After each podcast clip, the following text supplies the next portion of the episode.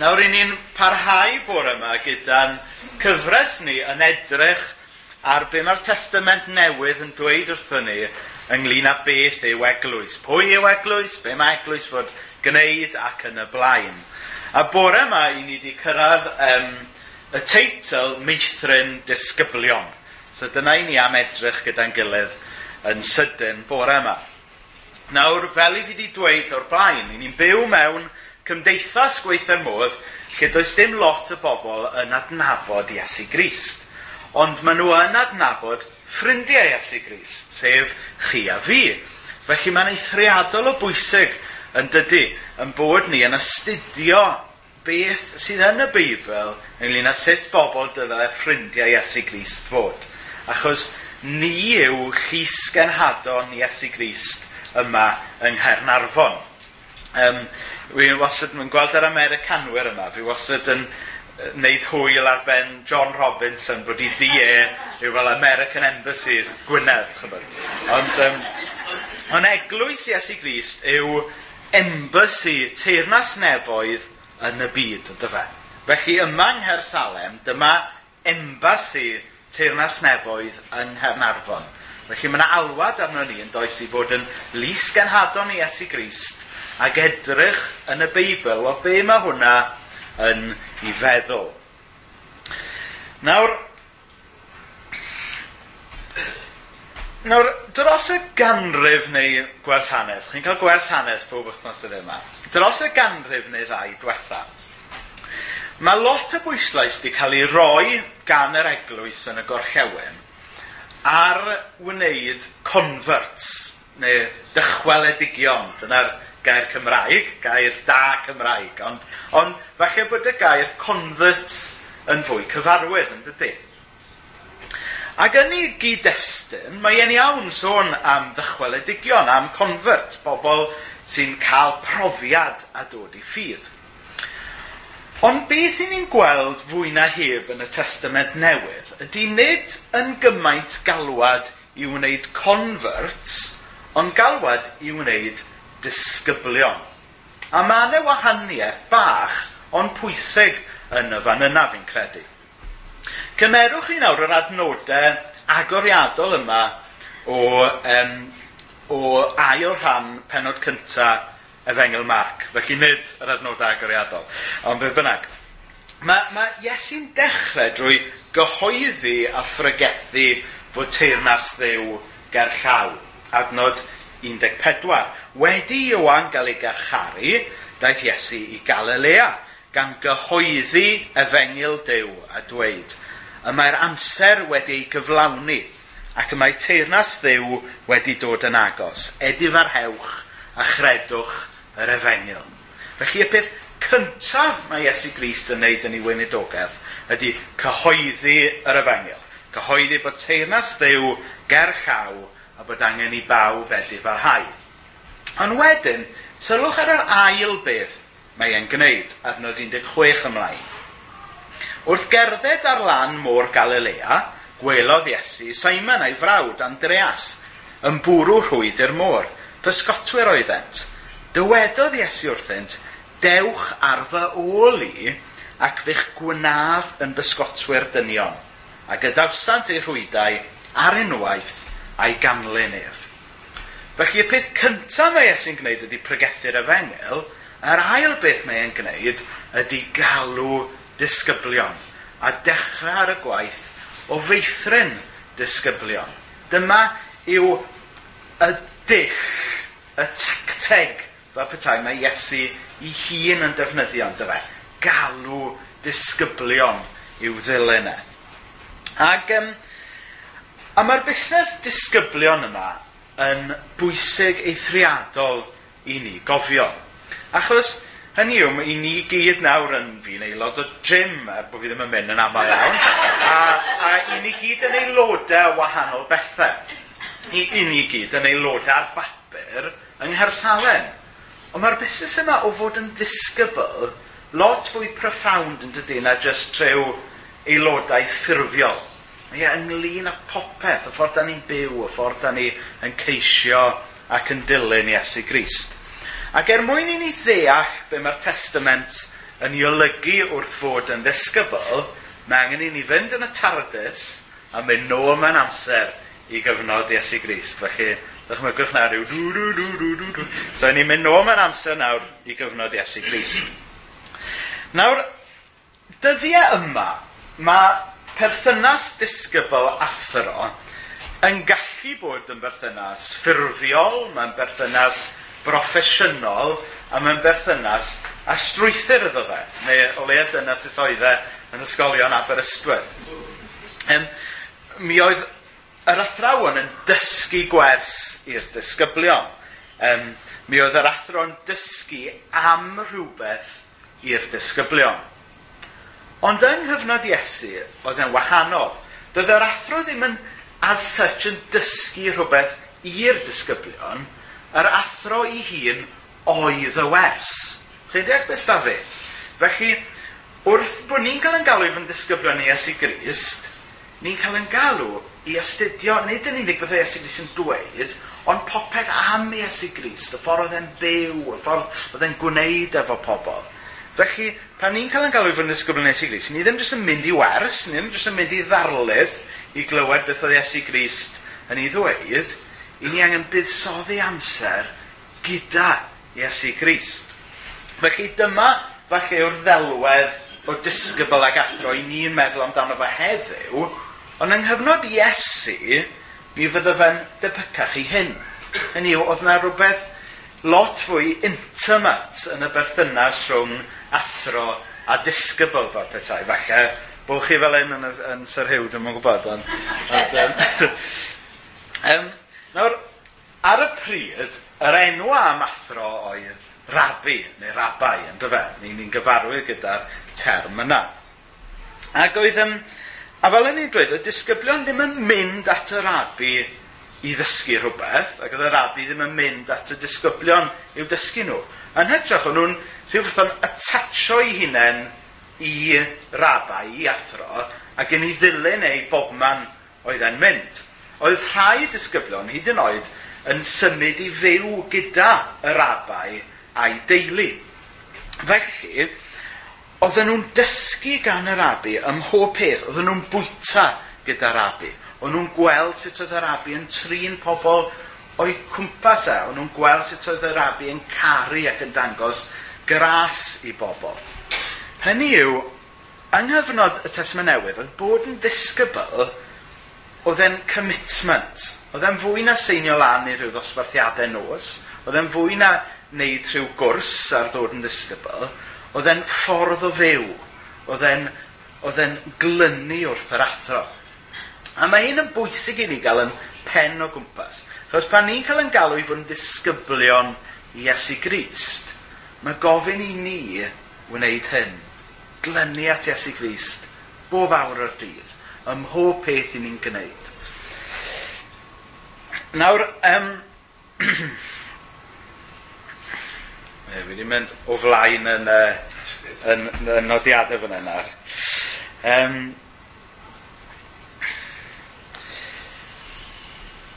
Nawr, y ffordd i ni yn dod yn ddisgyblion i Iesu Grist ydy treulio amser yng ngair Dyw. Nawr, i ni'n gwneud hynna bore yma, dydyn. I ni wedi dod fan hyn i astudio gair Dyw gyda'n gilydd. Mae yma Mena wedi sôn am, am air Dyw o, o lythyr Pedr, i ni nawr yn edrych ar efengil Marc. A mae e'n broses yn dydy dod yn ddisgybl. Hynny yw, pan i chi mynd i'r ysgol, I chi'n chi dysgu wrth bod chi'n mynd yn eich blaen yn dydych chi. I chi'n dysgu wrth law yr athro. A mae'r un peth yn wir gyda Iesu Grist. I ni'n cael yn galw i ddysgu oddi wrth Iesu Grist. Hynny yw, does neb yma, ddim hyd yn oed y rhai mwyaf hun yn ymysg ni, wedi dod i fan lle chi'n gwybod popeth am Iesu Grist bob dydd i ni'n dysgu rhywbeth newydd am Iesu Grist a dysgu mwy ynglyn â sut dylen ni fyw fel disgyblion Iesu Grist. Mae e yn broses sydd yn digwydd yn barhaus trwy yn bywyd ni. Nawr, yn yr adnodau yma ar ddiwedd fengil Matthew, ni'n cael be maen nhw'n galw y comisiwn mawr. Um, daeth Iesu atynt a llefaru wrthynt. Rhoddwyd i mi, meddai, bob awdurdod yn y nef ac ar y ddeiar. Ewch gan hynny a gwnewch ddisgyblion o'r holl genhedloedd, gan ei bedyddio hwy yn enw'r tad a'r mab a'r ysbryd glân, a dysgu yfynt gadw'r holl archmynion a roddais i chwi. Ac yn awr yr wy fi gyda chwi yn wastad hyd ddiwedd amser. Felly, beth i ni'n cael yn y comisiwn Mawr fan hyn, hynny yw beth yw yn rôl ni fel eglwys, ydy gwneud disgyblion. A mae'n ddiddorol bod y gwneud disgyblion yma'n dechrau gyda'r bedydd yn dyfod. E? Yna bydd chwarae to home crowd fan hyn gyda'r bedyddwyr. Um, ond mae yn arwydd y cael bod y gwneud disgyblion yma'n dechrau gyda'r bedydd. Nawr, mae'r bedydd yn arwydd bod ni'n farw i'r hen fywyd, a bod ni yn fyw i'r bywyd newydd gyda Iesu Grist. A pan i ni'n cael yn bedyddio, mae e'n arwydd hefyd bod ni'n dod yn rhan o deulu dew yn dydy. Felly, y lle i ni'n gwneud disgyblion o'n gilydd ydy yn yr eglwys. Felly, pan o'n i'n fach, o'n i'n mynd i'r ysgol i fod yn ddisgyblion, ond pan i'n dod yn ddisgyblion Iesu, i ni'n mynd i'r eglwys. Hynny yw, yn heili y ffydd i ni'n gwneud disgyblion. Nawr, nawr maen nhw'n dweud eich bod chi'n dewis eich ffrindiau, ond chi ddim yn dewis eich teulu nag i chi. Nawr, mae hynna'n wir yn dydy, a mae pobl fel arfer yn deud hynna mewn termau negyddol achos bod nhw ddim yn domlaen gyda'i chwaer neu brawd neu beth bynnag. Ond mae e'n wir am deulu Dyw. I ni ddim wedi dewis yn gilydd, na ddo. Mae Dyw wedi'n dewis ni ac o ganlyniad mi ydyn ni'n frodyr a chwiorydd. Mae'r eglwys yn gymuned yn deulu yn dydy. Ac mae Tom yn dweud yn aml, dweud Tom, bod, um, bod, ti, bod angharad yn ffodus iawn achos bod ti'n dysgu Gras i fi. A dwi'n gwybod mai tynnu coes wyt ti, ond mae e yn wir yn dydy. Mewn teulu, mi ydyn ni'n dysgu caru'n gilydd, mi ydyn ni'n dysgu beth yw gras yn aml, ond dydan pan da ni'n tynnu ffyrdd gwahanol ac yn y blaen. A mae'r un peth yn wir am teulu'r ffydd. Gan yn bod ni'n greaduriad digon gwahanol a oedd hiw, o'n i'n tynnu coes hiw gynnaf, o'n i'n cytuno rhan fwy ar amser, a Ac o fewn teulu'r ffydd, da ni yn gorfod dysgu beth yw gras yn dyda. Da ni yn dysgu beth ydy caru yn gilydd. Felly o fewn teulu'r ffydd, da ni'n dysgu beth yw bod yn ddisgyblion. Mae gyda ni ddiddordebau gwahanol, mae gyda ni um, bob math o bethau gwahanol, ond i ni'n dysgu cyd-dynnu gyda'n gilydd achos bod Dyw wedi rhoi ni gyda'n gilydd. Nawr, mae'r dyfyniad yma yn wych gan foi o'r enw Philip Yancey. We often surround ourselves with the people we most want to live with, thus forming a club or a clique, not community. Anyone can form a club, but it takes grace, shared vision, and a hard work to form a community. But it is in such a community that disciples are made. A community, cymuned ydy'r eglwys, yn dyfennid clwb. Mae clwb jyst rhyw bobl sydd diddordebau cyffredin. Ond mae ganddyn ni un diddordeb cyffredin yn does, Iesu Grist. Ac yn y gymuned, yn yr eglwys yna, i ni'n gallu gyda'n gilydd, dysgu gyda'n gilydd, sut mae bod yn ddisgyblion, sut mae bod yn dilynwyr i Iesu Grist. Nawr, um, pan mae babis yn cael ei geni nawr, right? Dyn nhw ddim jyst yn cael ei geni mewn i deulu a wedyn bod nhw'n goffod gweithio allan sut mae byw. Na. Pan mae babi'n cael ei eni mewn teulu, mae'r rhieni a'r teulu ac yn y blaen yn meithrin y plentyn yn dydy, yn tyfu y plentyn. Um, Chyfwch y luniau, dyma fi yn dysgu elain sut mae darllen. Um, a wedyn, dyma dad yn dysgu ni sy'n peintio'r byd yn werdd. Um, ond, ond chi ddeall pwynt sydd gyda fi, mewn teulu, chi'n chi dysgu pethau yn dydych chi gan aelodau hun yn y teulu, gan eich brodyr a chwiorydd. Chi'n dysgu pethau syml. Hynny yw, mae plant, mae rhieni'n dysgu plant, siwrd mae chwarae, siwrd mae darllen. A pan nhw'n mynd yn hun, mae, mae rhieni'n dysgu plant sut mae gwneud yn y byd rhyfedd yma i ni'n byw ynddo fe. A mae'r un peth yn wir am deulu y ffydd. Yma yn y teulu i ni'n dysgu o ddiwrth yn gilydd. Nawr, fi wedi bod i coleg am ormod o flynyddoedd, fel mae rhai o'n chi'n gwybod. Ond er bod fi wedi dysgu lot o bethau yn y coleg, gan yn rhieni nes i ddysgu y pethau pwysica mewn bywyd. Ac, ac er bod fi'n dweud bod fi wedi dysgu pethau pwysica mewn bywyd gan mam a dad, fi byth yn cofio mam a dad yn rhoi darlith i ni. Fi byth yn cofio mam a dad yn eistedd ni lawr a rhoi gwers i ni. O'n i'n dysgu pethau jyst naturiol gan mam a dad wrth yn bod ni'n byw gyda'n gilydd dros swper yn fel arfer ar deithiau car hir a ni'n gofyn rhyw gwestiynau mawr a wedyn dad yn esbonio pethau i ni. Neu falle y ffordd oedd yn rhieni yn ymateb i rhywbeth o ddarnewyddion neu rhywbeth. Hynny, da ni'n dysgu pethau gan yn rhieni, ond mewn ffordd naturiol yn dydyn. Wrth i ni weld sut mae'n rhieni ni'n byw a'i hagwedd nhw tuag at bethau. A dyle'r un peth fod yn wir eto yn heili'r ffydd.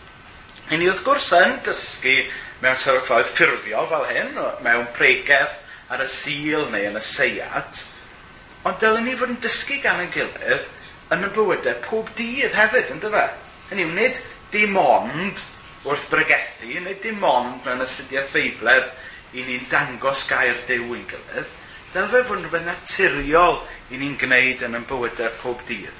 Dylen ni weld gair a gras dew y mywydau'n gilydd a dysgu gan yn gilydd, naddu yn gilydd i fod yn ddisgyblion fel yna. Nawr... Cyn i mynd nawr.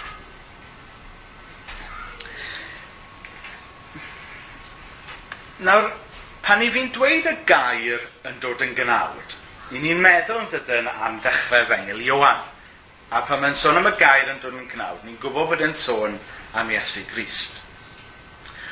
Ond dwi'n meddwl, os ydyn ni eisiau bod yn ddisgyblion i Iesu Grist, Mae eisiau ni adael iair Dyw ymgnawdoli hun yn yn bywydau ni hefyd. A mae nid jyst rhyw fath o ymarfer academaidd i ni wneud ar y sil fan hyn, ydy astudio gair Dyw, Mae eisiau ni roi gair Dyw ar waith yn yn bywydau ni. Ac er bod, i, er bod i ddim yn gwybod bod hiw am godi fan hyn i rannu gyda ni gyna, mae hwn yn enghraifft berffaith o'r hyn sydd gyda fi yn y nodiadau.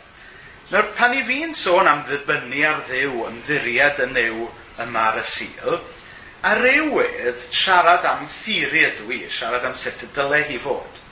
Ond yn eich bywydau pob dydd, i chi'n gweld gair dew ar waith yn dyfa. Ac er mod i wedi siarad yma droion am bod dew yn gadarn i ni, a bod angen i ni ddibynnu ar ddew, i chi wedi clywed gan hew yma bore yma Be mae hwnna'n edrych fel ar waith yn dydych chi. A dyna yw'r alwad i ni. Os ydyn ni yn wir ysgyblon ni as Grist, mae eisiau ni adael i air dew ffiltro trwy yn bywydau ni. A pa mae'r storm yn hitio, bod chi'n sefych yn gadarn ac bod chi'n dibynnu yn Iesu Grist. Pa mae rhywun yn profi'ch ymynedd chi, eisiau chi gadael i ras y lywodraethu yn does. A, ac wrth gwrs, mae'n bwysig bod ni'n dod at yn gilydd fel hyn ar y sil i ddysgu am air Dyw.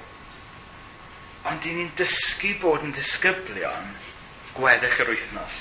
Wrth bod ni'n byw yn bywydau bob dydd. Wrth bod ni'n gadael i air Dyw ddod mewn i'n bywydau ni. Felly, mae e'n hyfryd yn dydy'r alwad i fod yn disgyblion.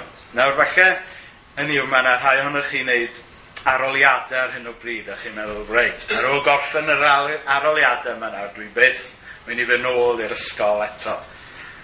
Ond mae ysgol Iesu Gris yn ysgol mae pawb eisiau bod ynddi. Achos dydy'r athro ddim yn gas, dydy'r athro ddim yn gosod rhyw safonau horrible. Ond mae'r athro yna yn cerdded gyda ni pob dydd. Mae bod yn ddisgybl i Iesu Grist yn hyfryd. Nawr fi'n siŵr bod ti gwenon athrawes hyfryd a Dafydd ac yn y blaen. Ond, ond chybod, mae rhai athrawon cas yn does. Dyn nhw, dyn nhw ddim a diddordeb yn y plant.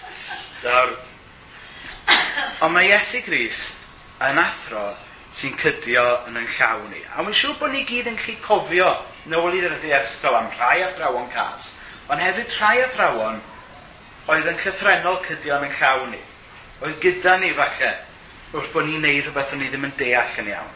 Wrth bod ni yn cael profiad anodd mewn bywyd. Ych chi'n cofio'r athro yna gyda chi. Wel gyment yn fwy mae Iesu Grist.